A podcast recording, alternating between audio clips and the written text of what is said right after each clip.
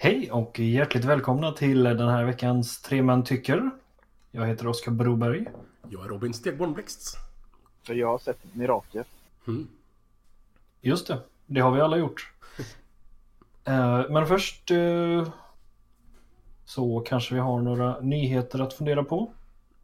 Lite smått i alla fall. Ska vi ta det här? På tal om saker som inte är Mirakel. mest upprörande. Så har eh, de sagt att de ska göra en Sagan om ringen-serie. Amazon ska göra tror jag. Mm. Och det här är ju de sämsta nyheterna någonsin. Det kanske blir bra. Nej. Antagligen inte. Jag har ingen förtroende för att någon någonsin kommer kunna göra något bra med Sagan om ringen igen. Förutom Jag och läsa Samuel böcker. hade ju en liten diskussion om serier häromdagen. När vi pratade om det här med Game of Thrones-kopior. Mm. Och tyvärr så tror jag att det finns ah, ganska lite, ganska små odds att det faktiskt blir någonting annat än det. Ja, det kommer bli Sagan om ringen med mycket mer sex och mycket mer det som blodigt våld. Ja, jag tror det. För alltså det, det är det Och- producenterna vill ha för att sälja där och tjäna ordentligt med pengar på sin franchise. Ja. Jag skulle tro det. Å andra sidan så har väl... eh, Vad är han sonen heter? Heter han Christopher? Ja. Um, där- De som har rättigheterna där i alla fall. det- The House of Tolkien eller om man säger. De verkar ha hållit ganska hårt i liksom, filmatiseringar och sådär. Tills nu. Tills Kristoffer har gått i pension för att han är 90 plus nu. Mhm. Mm. Så eh, det finns en anledning varför den tv-serien börjar nu. Ja, ja, ja. Mm. Jaha. Jag är också skeptisk. Och jag känner att det var ju... Jag har ju mycket kärlek för Sagan om ringen-filmerna, men det var ju först när jag verkligen började sätta mig in i böckerna djupare så jag började se bristerna i filmerna också. Mm. Så jag eh, har väldigt svårt att tänka mig att det här blir något annat än att skända något jag älskar. Mm. På tal om att skända något man älskar så kommer jag sitta här och äta min pizza precis i början. Jag fixar Ja, men till det- min hustru så att hon fick något att äta. Och det finns också en risk att jag hostar en del. Så lite startdisclaimer där på potential för oljud och dåliga Sagan om ringen-serier på horisonten. Och detta är alltså din unch. Detta är min unch. Precis, nog- precis. Hashtag Nice. unch. Ja, bra. Bra där. Ehm, I övrigt så eh, har vi så mycket mer att eh, säga innan vi går in på filmen. Jag skulle vilja nämna, Samuel länkade ju den här Hostiles-trailern. Och Mm. jag har varit ganska där, förtjust i lite nya vågen av westernfilmer. Det har inte varit sådär oerhört mycket, men filmer som... Eh, vänta, vad heter den nu? Eh, är det 10 Tuma? 3, 310? 310, precis. 310, precis. Den gillar jag mycket. Mm. Jag Så här, det fanns ju aspekter som jag gillade även i The Revenant. Även om så här själva det draget från Iñárritu var liksom ingenting så här fantastiskt. Men alltså jag gillar att det fått lite en, eh, här, en ny våg i alla fall. Och jag gillar den tonen. Också Hateful Eight. Den gillade inte du Samuel, men jag tyckte väldigt mycket om den. Va? Varför då? Jag tyckte bara jättemycket om den, eh, vad det heter, kammarspelet. Med, Kammarspel? Ja. Alltså de har ju gjort ganska mycket som... Jaha, eh, som Hateful. Eight! Jag trodde att du menade... Ja, Den- Pang Pang med Chris Pratt och company. Ja, Ah, nej, nej, nej. Magnificent Seven, den var inte superbra. Alltså. jag nej den, den har jag faktiskt inte sett än. Jaha, nej den, den är dramatiskt medioker. Ja, Dramatiskt precis. medioker. Ja, Det var ju fint. det, faktiskt, det var en väldigt bra beskrivning. det är något av det mest mediokra jag har sett. Det är så här, ja, det är en film. Det är, det är, inget, det är inget mer. Ja. Ja, Alltså okej, Hateful Eight tyckte jag inte om, men jag kan förstå att någon gjorde det. Mm, Den har ju i alla right. fall kvalitet. Ja. Ja men eh, med det sagt så, alltså Hostiles tyckte jag också verkade ha så här. De kvaliteterna som jag sett på Nederlandssidan. De aspekterna som jag gillat i den nya vågen. Mm. Och jag såg så här, det, det kändes som det var ganska mycket bra kvalitet där. Jag gillade så här, det lite man, känslan man fick av handlingen, narrativet. Vilka som är med i den. Det var bara lite så här. Mm. Lite mer smak fick jag där helt enkelt. Har ni sett Westworld? Nej. Eh, det skulle du nog kunna gilla Robin. Eh, Ja. Det är ju en del av den moderna västern, tänker jag i alla fall. Ja, just det. Eh, väldigt bra, tycker Jag jag. borde ta och se. Mm, Men eh, jag har ju lovat att ta mig an Fargo först. Ja, bra det. just det. Ja, nej men den är ju minst lika sevärd. Ja, ja, ja. Oj, oj. Eh, såklart. Bra att få vurmande från er båda där. Ja, right. Med det, vill vi gå till Mirakel? Yes. Kör hårt. Ja. Eh, vi har sett Blade Runner 2049. Nej, jaha. Eller har du sett den första Samuel? Nej, jag såg Blade Runner 2045. Oh, Ja. det var nära. Förresten, har ni sett? Det finns någon liten mini-introduktion som heter Blade Runner 2048. Det finns tre stycken mini-introduktioner och de har jag alla sett. Jag har tyvärr missat dem. Ja, jag De visste inte ens att de fanns.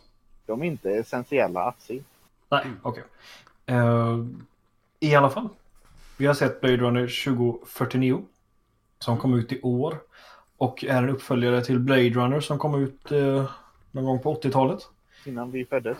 Eh, ja, när är den? Från 87 eller? Hmm, Ja. Eh, något sånt. I alla fall, det här är en neo-noir science fiction. Som är regisserad av Dennis Villeneuve. Mm. Som ju gjorde förra årets i särklass bästa film, Arrival. Detta är fallet. Detta är fallet och ehm, vi ser ehm, ehm, Ryan Gosling i huvudrollen som en detektiv som bara kallas för K eller K. Och ibland Ja. Joe. Ibland Joe. Eh, han är en så kallad Blade Runner. Och deras jobb är att eh, leta reda på konstgjorda människor.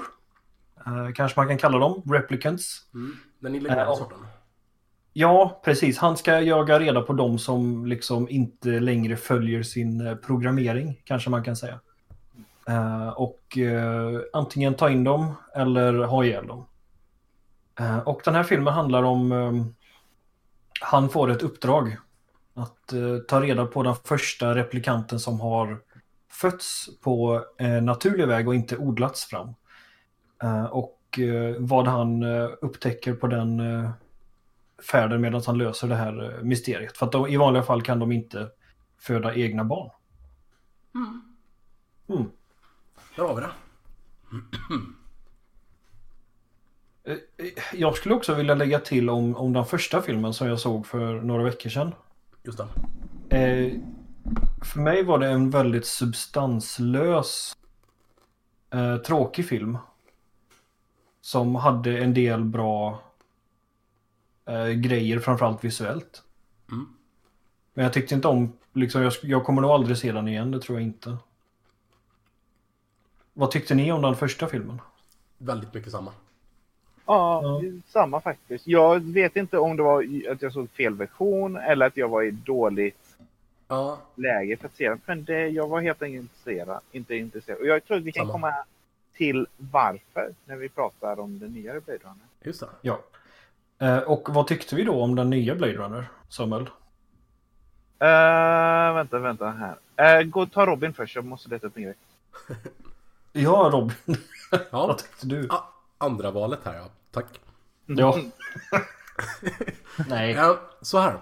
Jag var från första stund till sista stund, i nästan ögonblick till ögonblick, totalt överväldigad utav filmens eh, visuella kvalitet. Hantverket som gick in i fotografin. Mm. Och på samma sätt totalt underväldigad utav handlingen, berättelsen. Där är jag. Mm. Ja, eh, jag ligger väl hyfsat nära dig tror jag. Samt, jag, jag tyckte jag tyckte bitvis om handlingen. Eh, jag tyckte om eh, en viss twist som kom framåt tredje akten. Mm. Och, men visuellt är den ju och, och ljudmässigt och hela hantverket är ju verkligen fantastiskt. Mm. Och jag gillar för det mesta världsbygget också. Eh, som de har lagt ner väldigt mycket eh, tid och energi och, eh, Ja. och kärlek på. Men jag kan väl hålla med om att alltså, lite som i första filmen så är väl berättelsen inte det som är bra. Kanske. Eller inte i alla fall det bästa. Men jag tyckte nog om den mer än vad du gjorde rent berätt vad gäller berättelsen. Du var inte totalt underväldigad. Nej, det var jag inte. Alltså jag, jag tyckte om den bitvis en hel del. Mm. Eh, men jag tror jag förstår var du kommer ifrån där också. Uh, yes.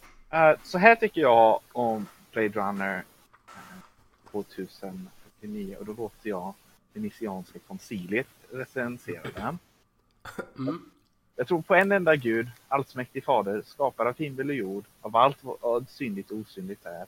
Och på en enda Herre, Jesus Kristus, Guds enfödde son, född av Fadern före all tid, Gud av ljus, ljus av ljus, sann Gud och sann Gud, född, icke skapad. Ja. Och det är mitt sätt att säga att jag älskar den här filmen eh, något så vårdslöst. Okej. Eh, och Mhm. den är självklart jätteintressant visuellt. Men eh, handlingen eh, hade mig verkligen från allra första början till slutet. Jag var djupt engagerad och älskade den jättemycket. Mm. Så tycker jag. Mm. Eh, men jag kanske borde utveckla. om Ja, jag det känns så va? Ja, Gör det det. är naturliga som kommer nu. Eh, filmen börjar med att Ryan Gosling ska åka då för att ta hand om Dave Bautista. Som då är en replikant. Och har en maskfarm. Ute Eh, på landsbygden. Eh, och där odlar han även rosmarin. Ehm, sin, för sitt eget privata bruk för att ta med pastan. Och när Ryan Gosling ska, när, när de pratar med varandra och som Ryan Gosling som verkar vara med från första början att han är replikant. Uh, så, så säger Dave Bautista till honom på anklagande sätt. Du har aldrig bevittnat ett mirakel. Du har aldrig sett ett mirakel. Och sen så blir han dödad. Men det är tydligt att Dave Bautistas karaktär är en karaktär som lever i förundran och tillbedjan. Och han är den mest mänskliga av nästan alla karaktärer i hela filmen. Och det är utifrån detta som jag läser resten av filmen. Och för mig så, jag är inte nödvändigtvis intresserad i frågan av replikanter är mänskliga eller inte. Det är inte intressant för mig. Och det, det är liksom det är där första filmen föll för mig. Mm, verkligen. Men vad jag tycker att den här filmen gör rätt, och den gör det så väldigt rätt, är att den upplyser vad som verklig mänsklighet utgår ifrån.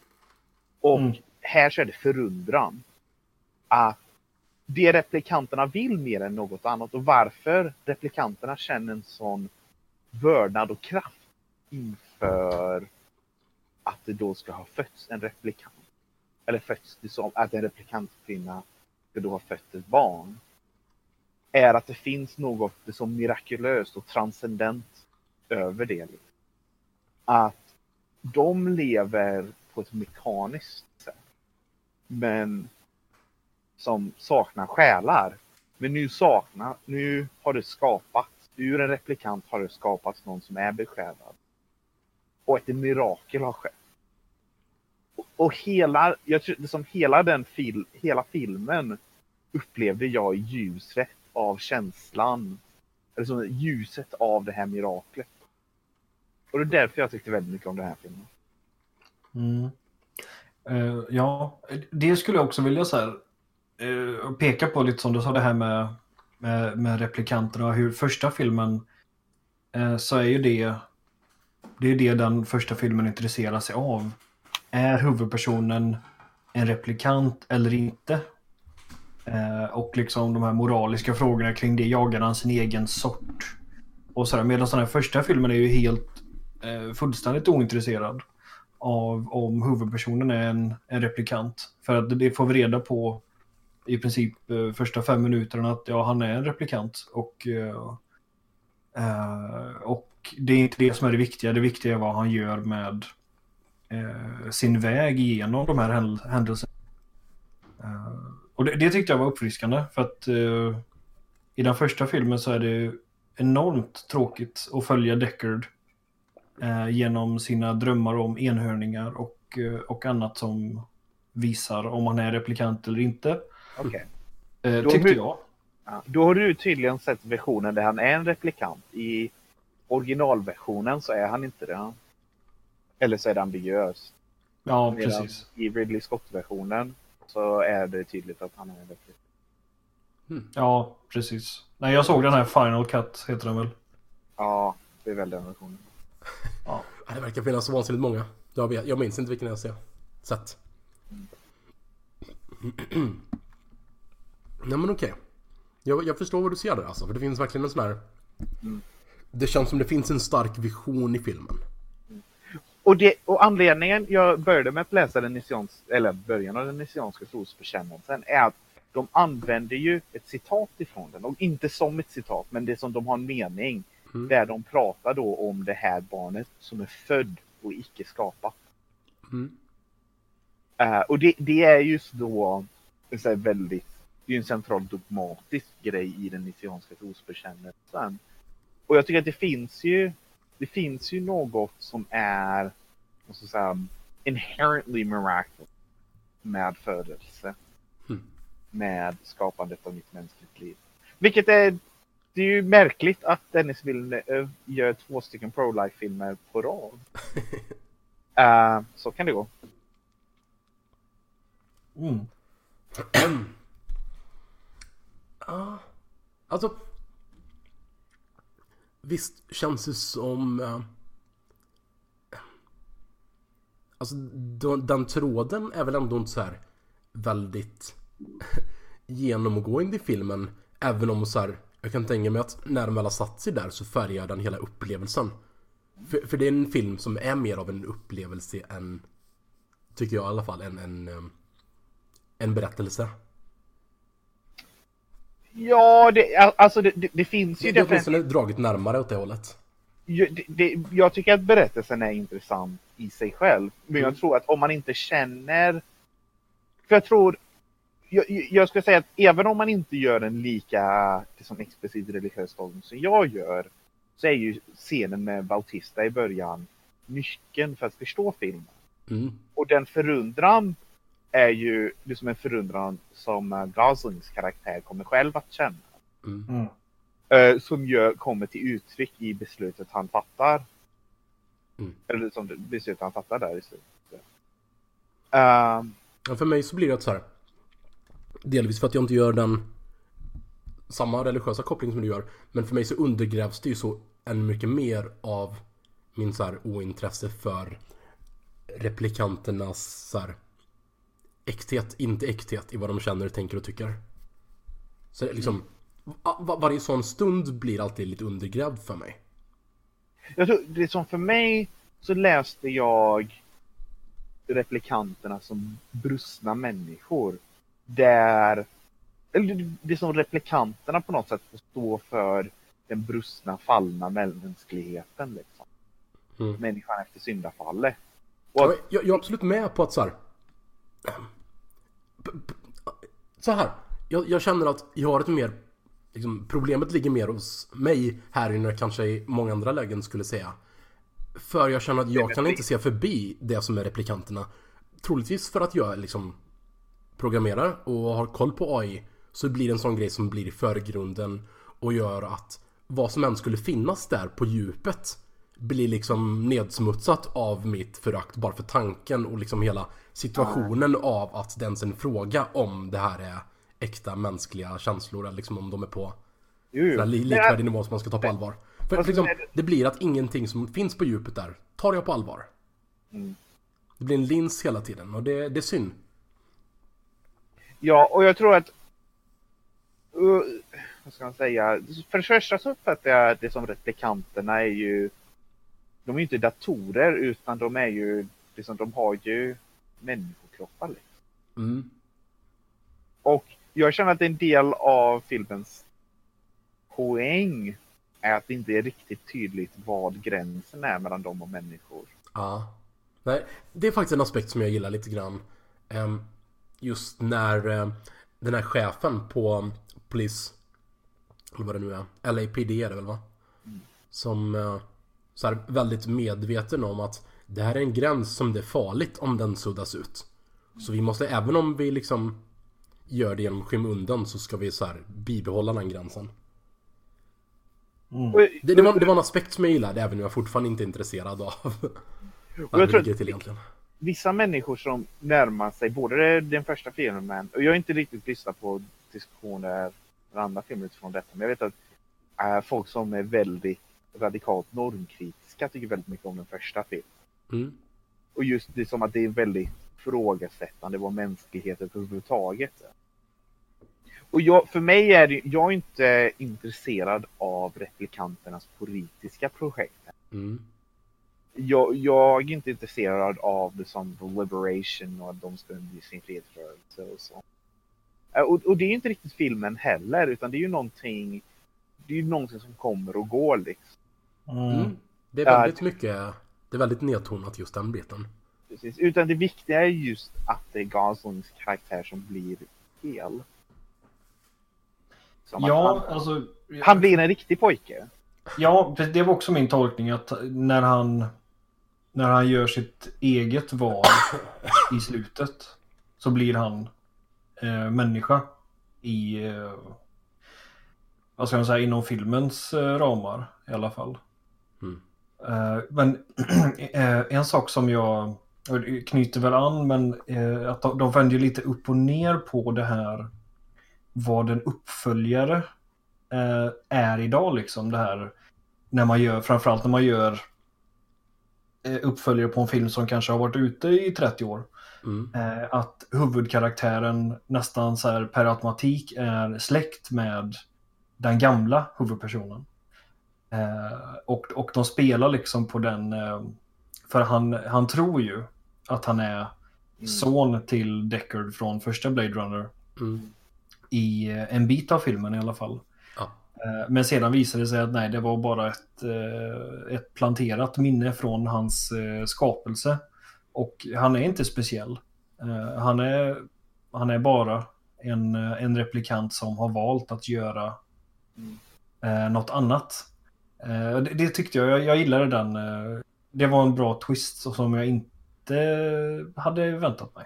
Mm. Jag hade nog gillat den ännu mindre om det var att det faktiskt var så. Ja, just Ja. det. Det hade varit ett väldigt dåligt beslut. Ehm, Sen var jag ändå ganska oberörd där i slutet när Deckard och hans dotter och Gosling som lägger sin... Han, ja, visst dör, dör han där utanför? det är väl det som är implicit. Mm. Jag var bara så här 97% säker liksom. Mm. I nästa Blade Runner 2050 så kommer han tillbaka. Ja. Jag tror att det kommer Eh. Blade Runner Uprising och så är det stora robotar som Ja. boxar, boxas. Ja jösses, då ger mig mardrömmar. Nej, Jag måste säga att så här, till skillnad från många andra Troligtvis för vad jag står i förhållande till replikanterna är att Jag tyckte ganska mycket om Jared Letos karaktär så här ultracyniska skaparen jag tycker, alltså han är ju intressant i alla fall. mm. Mm.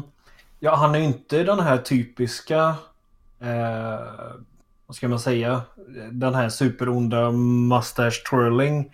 Utan han verkar ju vilja hjälpa mänskligheten framåt och har gjort det. Mm. Eh, Alltså det är ju inte hans mål. fast han har ju ändå liksom... Nu, Ja, jag tror att han har så här en viss Kanske lite twisted version utav det Men det känns som han Ja. har så här Han har mänsklighetens goda Som en liksom för, för honom så blir det en mer uppfyllande personlig grej Att han lyckas med att göra det mänskliga goda Så det är fortfarande så här, Jag- Det känns som det är någonting egoistiskt där Men det är fortfarande det mänskliga, att go, mänskliga goda som är så här Det han är ute efter känns som Mm. Alltså det jag skulle säga att han är ju en mörk gud. Eller som en mörk, en mörk skugga av gud. En, Ja, det vet jag inte om jag kände så Men Eh, han, han, visst eh, säger de väl det i filmen att han redan har räddat Mm. eh, med hjälp av sin forskning och, och sådär. Precis. Ja. Och... eh, Ja, men jag, jag antar att han kommer i lite annat ljus för dig Samuel, just med den läsningen. Men för mig så kändes det som det var ganska uppfriskande att han hade liksom... Grejen med honom var ju att han bara liksom såg dem inte som varelser. Och det var bara liksom, bara just ifrån den väldigt grundläggande tanken och liksom värderingarna han har där så framstår han ju som ond i perspektivet som vi är. Som, eftersom vi möter honom nästan enbart från perspektiv när han är med replikanter eller på något vis har med replikanter att göra. jag hade nog fattat honom som ond i, även utanför det. Men... eh, Ja, absolut. Det är liksom inte att man så här. Jag- tänker ju inte att han är en god karaktär som bara har den här Den här inställningen. Men det är inte att han spelas ut som den här liksom klichédramatiskt onda. Utan han blir bara ond genom den här cyniskheten. Jag tycker det är ett ja, intressant sätt att ja vi, nej visst. Nej, han är definitivt en nyanserad skurk. Mm. Eh, till skillnad från eh, vad som vi möter i Thor Ragnarok.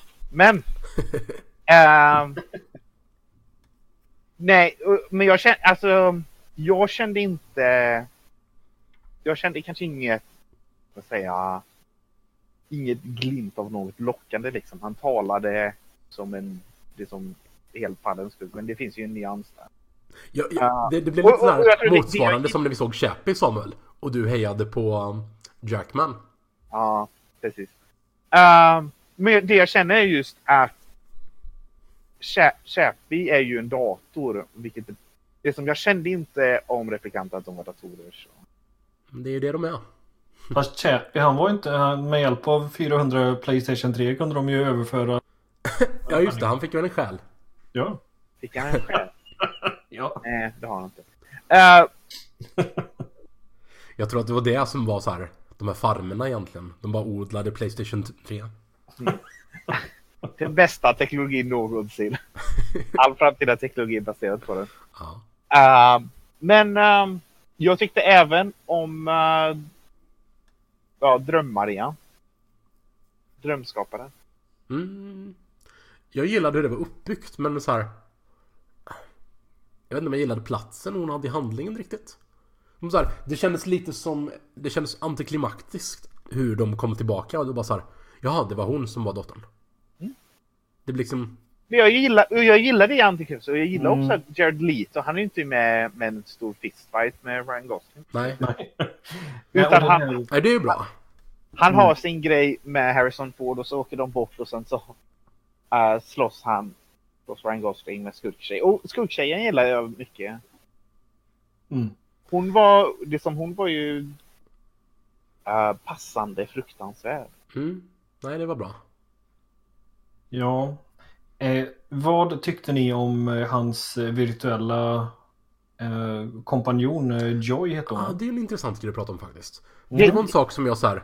Det är ju väldigt stark parallell till Her där. Ja, verkligen, Det jag verkligen. känner, subtexten i Her blir text. För att det som, Her, handlar ju om att ehm, Samantha är det som pornografi.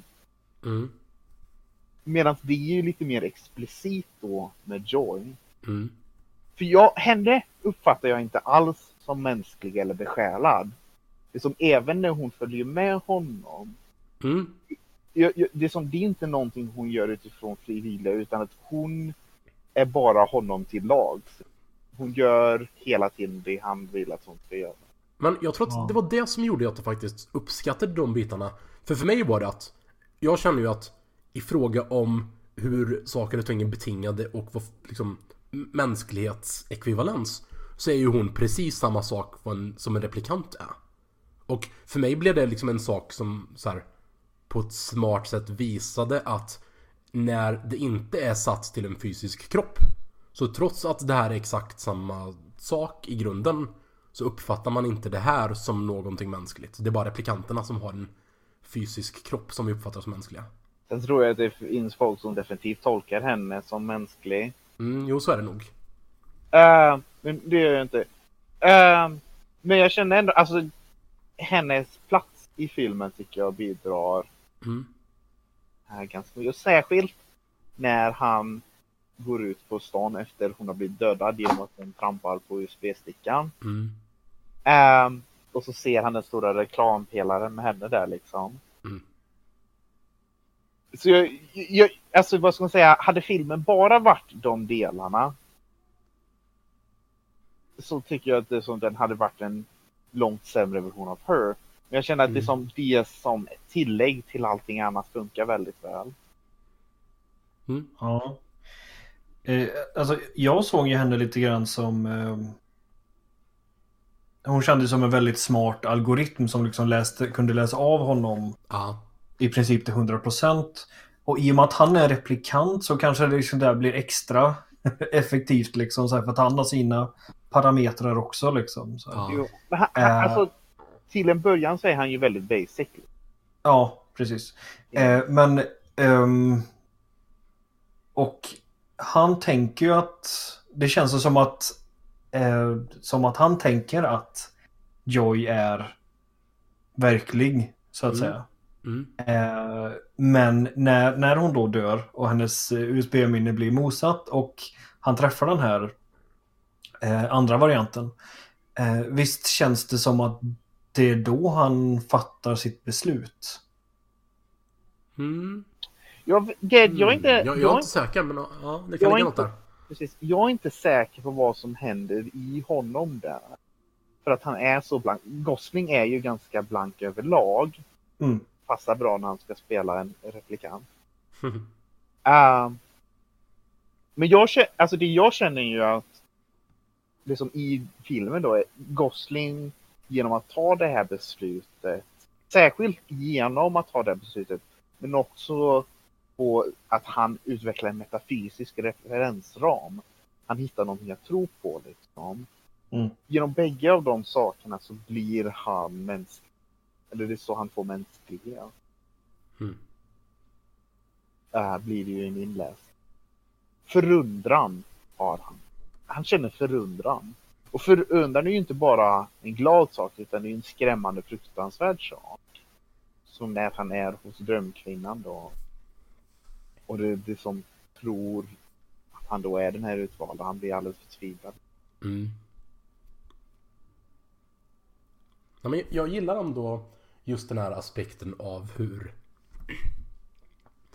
det känns lite grann hur de när han är ute efter att försöka hitta en mening så känns det lite som um, alla vill ju vara den här som har en själ. Mm. Men på något vis bara att det finns en räcker till för dem. Ja, jag, jag, alltså det finns ju, men jag känner att det finns ju, vad ska man säga? Du, du, de är ju i en position av vördnad, alla de här replikanterna, Mm. inför den här tanken. Mm. Uh, och att det, uh, det, det, det som de pratar visserligen om dess politiska konsekvens, men vad som verkligen står på spel är de andliga konsekvenserna. Men. Uh, jag tycker, på tal om någon som är fullt mänsklig så är um, Roger Deakins en duktig fotograf. Mm. Jo. Jag vet inte om han är fullt mänsklig alltså. Den här Hela- upplevelsen alltså, att sitta där. Det var så jag kände att man såg liksom typ ett nytt paradigm eller så här en ny nivå utav filmskapande. Så Ja. kände jag när jag satt i biografen. Liksom, Ja, Arrival var ju på en oerhörd nivå.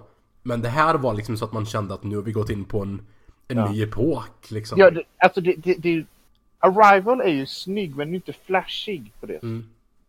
Utan, och, och Dickens han är ju, han är ju den, det han ju ett bra tag varit känd som en av de absolut bästa cinema, cinematograferna. Men Mm.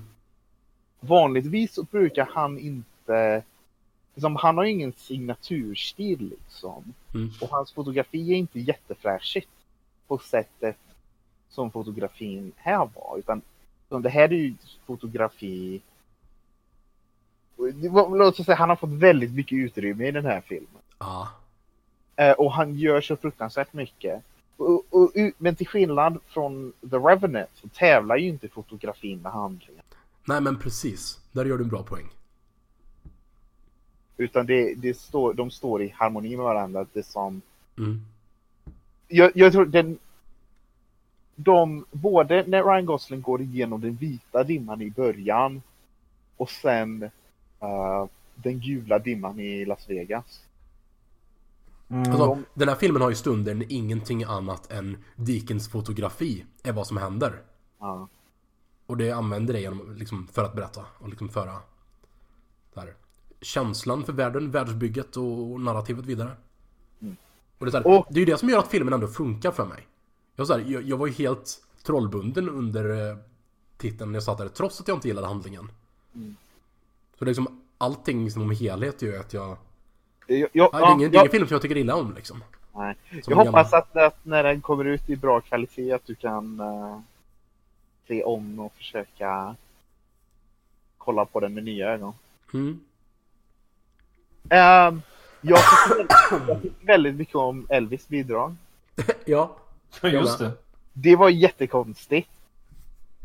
Uh, i, det som gick från den totala tystnaden till någonting som är så garish. Mm. Så, det, det, det, liksom att ha 3D-Elvis där på scenen med så mycket ljud och så mycket ljus. Ja.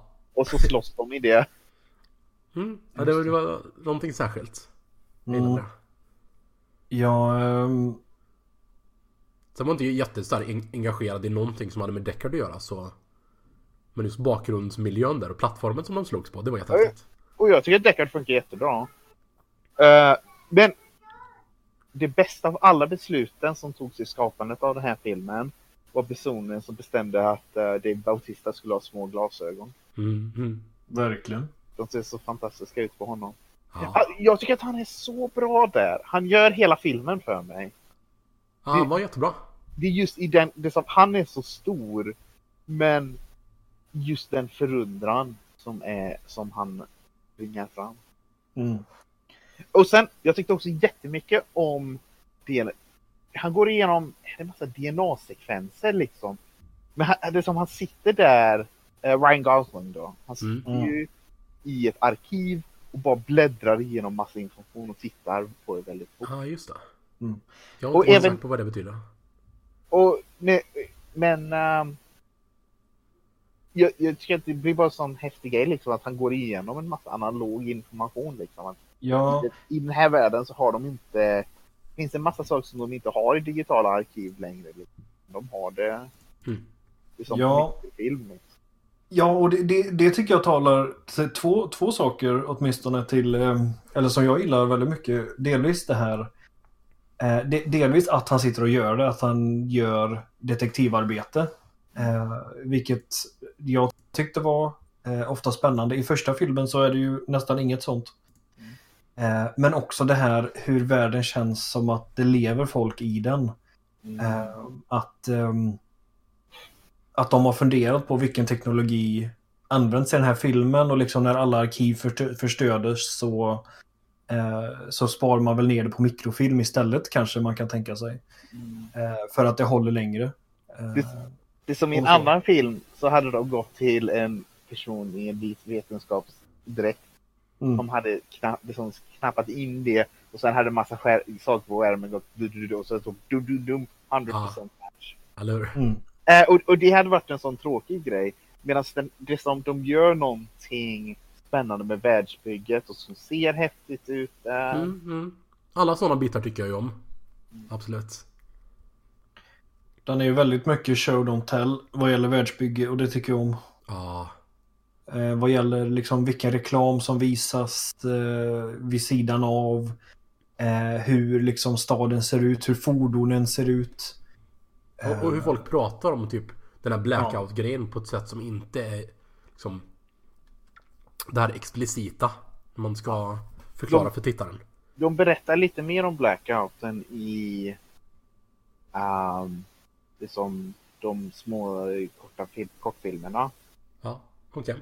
Eh, och det är kanske inte jätteintressant. Det är liksom det är en terrorist, några terroristreplikanter som gör det med hjälp av en människa på insidan och sen så...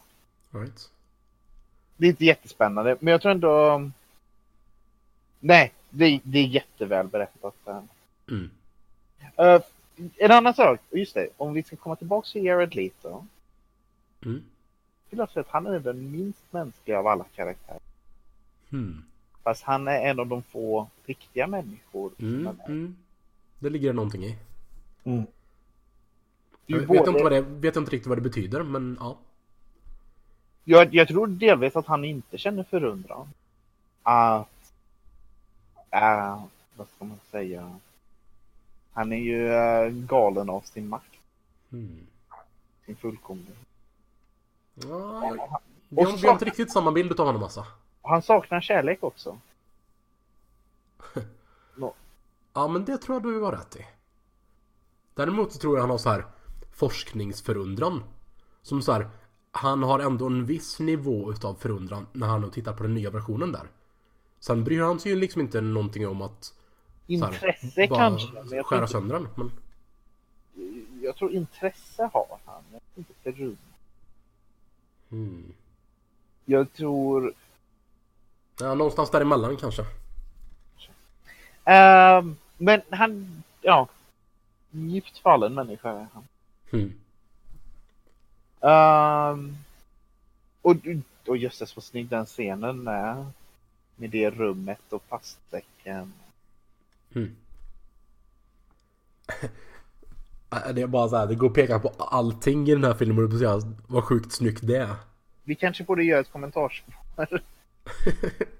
där vi anmärker, där är våra Bara, tittare, bara förundrade läten från oss hela tiden. oh, Oh. eh, våra tittare kan se den med oss. Så höra och säga att det där var ju häftigt. Ja. Eh, men eh, det är ju om något en intressant film. Mm. Ja. Eh, Den har inte tjänat supermycket pengar. Ja, det förvånar mig inte. Nej. Det, det är ju en tre timmars långsam science fiction noir liksom. Det, Ja, Jag har väldigt svårt att se att så här, standardpubliken, någon går och ser den här och säger ja den här måste du se. mm. Och särskilt, alltså många har ju sagt att man behöver inte ha sett första filmen för att mm, förstå och gilla den här filmen. Men så här, jag tror att det gäller väldigt sällan. Mm. Så här, den kvaliteten som du hittar Samuel är ju liksom fristående från originalet. Ja, ja, ja, man hade man lika gärna hade kunnat det som inte se originalet. Å andra sidan, så här, om man inte är jätteförtjust i vad den här filmen handlar om så blir den väldigt så här. Den blir extra svår att hänga med i och liksom engagera sig och fatta om man inte sett första filmen. Det är liksom, Ja, kanske. det blir, man behöver ju fortfarande den där Det blir en svår tröskel att komma över om inte det här är precis ens kopp te liksom. Nej, nej, och det är ingen blockbusterfilm. Nej, Och, verkligen inte. eh, Och namnet är också så här. Blade Runner 2049. Det säger ingenting. Förutom att det är science fiction. Mm. eh, och helt enkelt. Eh, publiken vill ju hellre se på Marvel-filmer. Så Mm. det får de göra. När, jag, Eh. när jag gick ut från bion när jag såg den så eh, var det en ung, ganska ung kille, så här tonåring, 13-14, som hade, som hade sett den med sin eh, pappa. Ja. Eh, jag misstänker att det var hans pappa i alla fall. Och eh, han sa det. Jag trodde det skulle vara mer action. jag trodde det skulle vara mer... Eh, alltså att de skulle skjutas och, och, och slåss och sånt. Mm. Mm. Ja, och jag gick där bara, gud, tre timmar. Stackars liten. Han måste ha gråtit av så här uttråkning. Jo men någon, någon som var såg på eh, Rogue One senast på bio liksom. Nu blir Mm. Blade Runner uppföljaren. Precis, exakt. Nej men, och för den här filmen, den är så långt från en modern superhjälte-blockbuster. Det är helt olikt. Mm. och jag tycker att det... Det finns ju en positiv kontrast där som lutar åt den här filmen. Jag tror att den här filmen eh, illustrerar just hur dåliga superhjälte-blockbusters är. Nej, där har du fel. Det är två helt olika saker bara. Jaha, jag är helt... Jaha, jag har fel. Mm. Mm. Ja, skönt, skönt att du insåg det när, när du blev tillrättavisad. Ja. Bra. Jag har den nu. Vi uppskattar din självinsikt Samuel.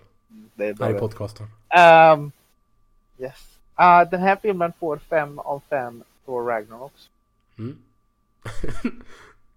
Vad betyder det? Om du inte gillar Thor Ragnarok? Jo, jo, jo, men ah, jag vet faktiskt. Ja, men det är precis som filmen så lämnar, lämnar vi det lite ambiguöst. Ja. Den får ett decent av mig. Ja. Eh, oj. Återigen en väldigt svår film att sätta betyg på tycker jag för att... Ja. Jag ger den ett good. Mm. Ja, men det var lite så det kändes. Nej, för att vara mindre ambiguös så kan jag ge den ett break. Det har jag redan skrivit ner i mina anteckningar. Ja, men det är bra det. Jag tycker särskilt mycket om delen där den var filmad en munk som sitter stilla och ber i, i tio minuter. Oh, på tal om det. Jag tycker att eh, Roger Deakins borde göra Integrate Silence 2. Det vore ju en skiftning alltså. Den totalt naturalistiska fotografin som var... Oj. Och grejen är att det ska ju inte nödvändigtvis bli som munkarna bara går omkring och så är Deakins där med sina kameror. Ja, jag skulle se den filmen. Mm. Alright. Då går vi vidare då. Till topp tre överfall. Inspirerat utav förra veckans Barry Lyndon. Mm. Ehm, och... ehm, Jaha, vad bra att du sa att du var inspirerad. Det var nästan att jag tog en därifrån. mm, Och det här var lite dumt. det här var lite dumt. Men jag gjorde Ehm, inte. ja, men vi börjar med lite dumt och går till Samuels lista. Eh, min tredje plats är från Mad Max Fury Road. Mm.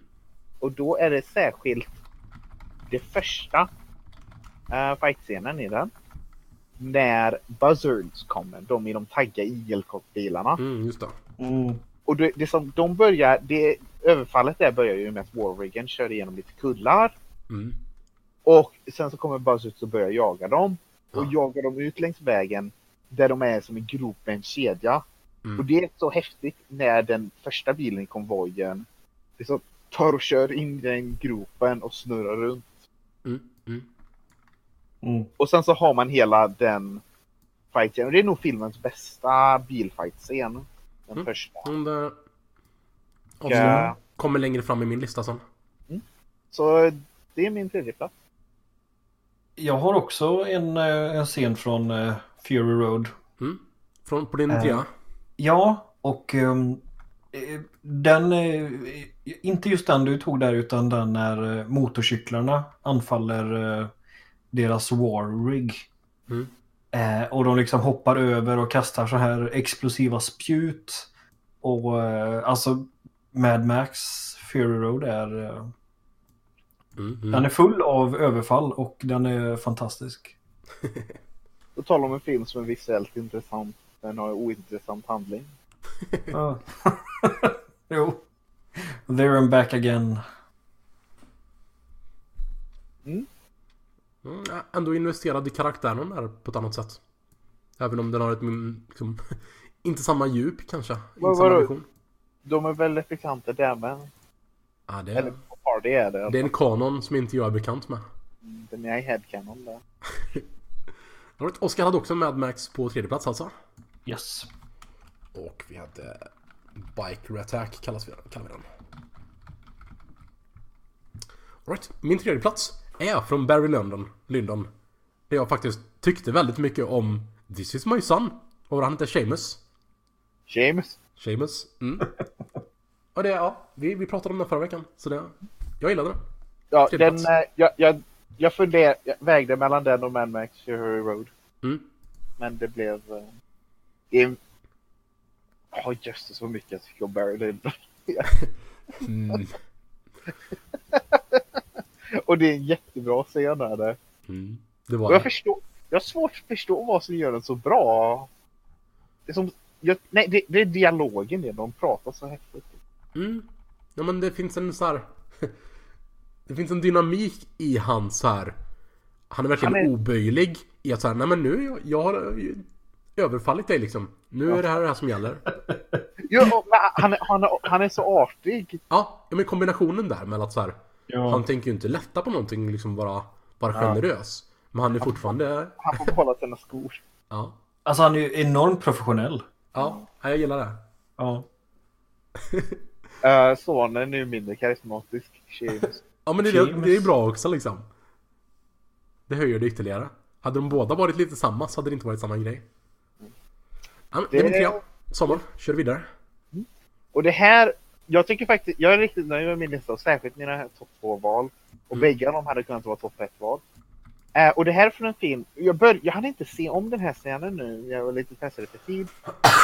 Jag började se om den här filmen och fastnade i den. Tänkte vilken underbar film det är. Ja. Och min nummer tre är Det när... är nummer två menar du? Min, min andra nummer tre, Ja. som man brukar kalla nummer två, eh, är när de överfaller det franska skeppet Archeron i Master Ah. and Commander genom Mm. att ta ut sitt skepp till en valjägare. Och sen vänta på tills det franska skeppet kommer nära och sen bryter de loss i Master and Commander Far Center of the World. Mm. Jag funderade faktiskt på Master and Commander, men jag, så här, jag minns inte exakt hur det gick till. Så här, jag minns att jag tyckte om listorna liksom, men... Mm, därför följde nu min lista. Men den är jättebra alltså. Jösses vad bra den filmen är. Väldigt underskattad film. Mm. Om vi går vidare till en väldigt underskattad kar. Oscar, vad är din två? ja. Eh, jo, eh, min tvåa är, eh, och det här är ju lite mindre ambush, men i eh, från The Departed. Ah, mm. Eh, I hissen där framåt slutet. Eh, Jag minns så lite av The Departed. ja. Men i alla fall, då är ju de här två eh, poliserna, eh, Leonardo DiCaprio och eh, Matt Damon. Eh, och så kommer, så är det väl Mark Wahlbergs karaktär. Mm. Som kommer och helt kallt bara skjuter dem. Ja. Eh, och det är en sån fantastisk scen. Eh, och som liksom... Det, det bygger ju så mycket på det här... Alltså livets eh, skörhet och, eh, och sådär som, eh, som filmen handlar mycket om. Eh, jag tycker om den scenen jättemycket. Mm. Eh, Mm, Påminn mig, Matt Damon, han är polis som låtsas vara skurk. Nej, Matt, han är ju- Damon... Nej, det är han som är skurk som låtsas vara god. Så är det. mm. Eh, det, ehm, Och Leo är polis som låtsas vara skurk. Ja, precis. Precis. Mm. Så har jag, för- det var också länge sedan jag såg den. Men den, scenen, den liksom stannar kvar. Mm. Okay. Och Mark Wahlberg där också. Han är fin. Han är fin. Marky Mark. Alright, min andra plats är samma som Sommers tre där. Mad Max Fury Road, Buzzard Attack. Mm. Och ah, jag gillar bara liksom den filmen så här eh, hets och liksom eh, närvaro i den situationen som så här farten och alltså det gör ju ett, ett överfall blir så mycket mer effektivt. Och så hela den här känslan i fotografiet och, och rörelserna och eh, vad heter det? Inte cinematografi utan um, nu tappade jag ett ord. Stråkparty. Stråkkvartett var precis ordet jag sökte. Nej, eh, alltså rörelserna. Ja, nåväl. Hur de har koordinerat alltihop helt enkelt med, med alla bilar och saker som kör omkring. Det är jätteintressant, tack. Mm, du kommer med så hjälpsamma förslag Samuel, tack. Ja. men jag vet vilket ord du menar på, men jag kommer inte. Det är, det är dans. Koreografi. Koreografi, tack. ja, ja, men eh, välregisserad film. Väl eh, filmad film. Och det gör att en sån attack blir särskilt effektiv. Jag gillar det. Min andra plats. Och Samuel, led oss in på nummer ett. Yes. Min första plats är, dro, är, vänta, det är överfallet från filmen Sicario där de Nej! Mm. Det är min också. Vilket Ja. överfall var det du tänkte på? när de är på bron. Mm. Du vet den bästa scenen i filmen. De sitter på bron och de vet att de blir överfallna vid gränsen. Så det är trafikstopp där. Mm. Ser de några skurkar som sitter i bilar. så är de jättenervösa och det, det är som det går steg för steg och eskalerar, eskalerar. Och sen börjar de skjuta pang pang. Ah. Mm. Det är en väldigt bra scen. Det är inte särskilt bra Var det, det var samma du tänkte på Oskar? Ja, exakt. Alltså den, eh, den bygger upp spänningen på ett otroligt bra sätt det här med det är redan liksom stressad situation. De vill inte sitta stilla. Eh, och så ser de liksom att eh, där kommer en bil, den ser lite suspekt ut. Okej, de har ett vapen. Eh, och de liksom bygger upp, bygger upp ända tills eh, liksom eh, till klimax kommer där och så eh, jättebra. Älskar Mm. den scenen. Det finns en så här en sorts kall effektivitet där som så här funkar väldigt bra. Eh, det jag skulle säga är att det är inget särskilt effektivt överfall. Nej. Nej, Men mexikanerna känns ju ganska hjälplösa. Det är som eh, det är svårt att se hur de hade kunnat vinna det där. Mm. Nej men okej, ja. ja. Ni tänker på dem som eh, överfall från eh, Mexikos sida? Ja. Mexikanerna. Mm. Det, det, den, det blir bakslag där. Mm. Nej men det, var så här hur ni tolkade det bara. För det är kall effektiviteten hos, eh, ska man kalla dem, agenterna där. Kalle Så här, de, de vet liksom att om det går till en viss gräns så måste vi agera och då gör vi det med en gång liksom. Ja, men, men de tänjer ju liksom mot gränsen. Ja. Det är som hur... eh, Nej det är en bra scen, en riktigt skarp film. Jajamän. Min första plats kommer från en film som var länge sedan jag såg. Men eh, gillar scenen och det är från The Patriots. Mel Gibson. När hans son har blivit eh, plockad av The Redcoats. Och han liksom förbereder med sina två väldigt unga söner där ett överfall. Och har lagt ut massa olika gevär uppe i krönet. Som man rör sig fram och tillbaka mellan för att få folk att tro, liksom de där nere att tro att det är en, en större grupp som anfaller dem. Har ni sett The Patriots? Nej. Jag tror inte det faktiskt. Ah, okej. Det är ju Heath Ledger där som spelar här. Den här sonen som blir räddad. Och en av huvudrollerna i filmen. Okej. mm, Den är värd att se. Så här, lite eh, Barry Lyndon nära också. Så här, tidsperiod och... ja, precis. Det är väldigt nära Barry Lyndon med Mel Gibson. Mm. Nej men ja, It's det easy, var en nice svar här alltså. Mm. easy we kill King George. Och Sicario, den var jag inte riktigt beredd på. Vi överföll dig lite där. Ja. Och som alltid Samuel, du måste se om den så du förstår den. Jag minns det. Oskar, läste du de grejerna som jag har pekat ut? Det här med alltså våldtäktsbildspråket och liksom våldtäktsspråket som är i den filmen överlag. Nej, inte så mycket. Jag tror att jag behöver nog se den eh, igen också egentligen. Mm. Ja men eh, gör det, det tycker jag.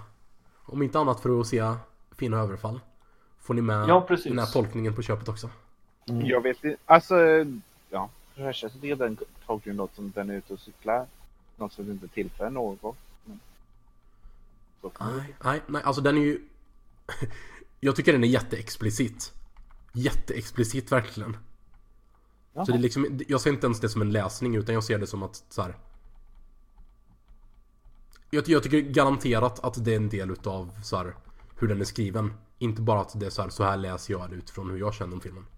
Mm. Det är på den nivån. Så jag skulle gärna vilja att ni ser om den och ser vad ni tänker om den. Förvisso, men du tycker att eh, Captain America Civil War är en bra film? Han faller alltid tillbaka på det alltså. Ja. Det är slut Topp, på skarpt eh, ammunition där i... Sex. Det det är väl de skarpaste kulorna jag har i mitt magasin. Ja, tyvärr. Det är illa alltså. Det är mina, det är mina 762. 762. Ja, eller hur mycket det än mycket kaliber. Nej, det blir ingen kyckling för dig här Samuel. No, no, no. Alright. Ehm, ja, ja. Oskar, har du en SKS? En SKS. Jag, jag och Eh. Robin gör en massa Mm. Fruktansvärt roliga referenser där som pågår. Jag tror inte jag har någon sån. Är det Vi- från uh, Battlegrounds eller? Vi gör, precis, vi gör nästan lika roliga referenser som uh, Thor Ragnarok gör. Ja, du. Ja. Ja men eh, vill gärna höra lyssnarnas toppöverfall. Jag skulle gärna höra lyssnarnas eh, toppöverfall av, eh, av här. Jo men eller hur? Det blir, blir svårt att göra en sån alltså. Alltså, topp top tre sämsta saker Samuel har gjort på podcasten. Nej, får vi ta någon gång.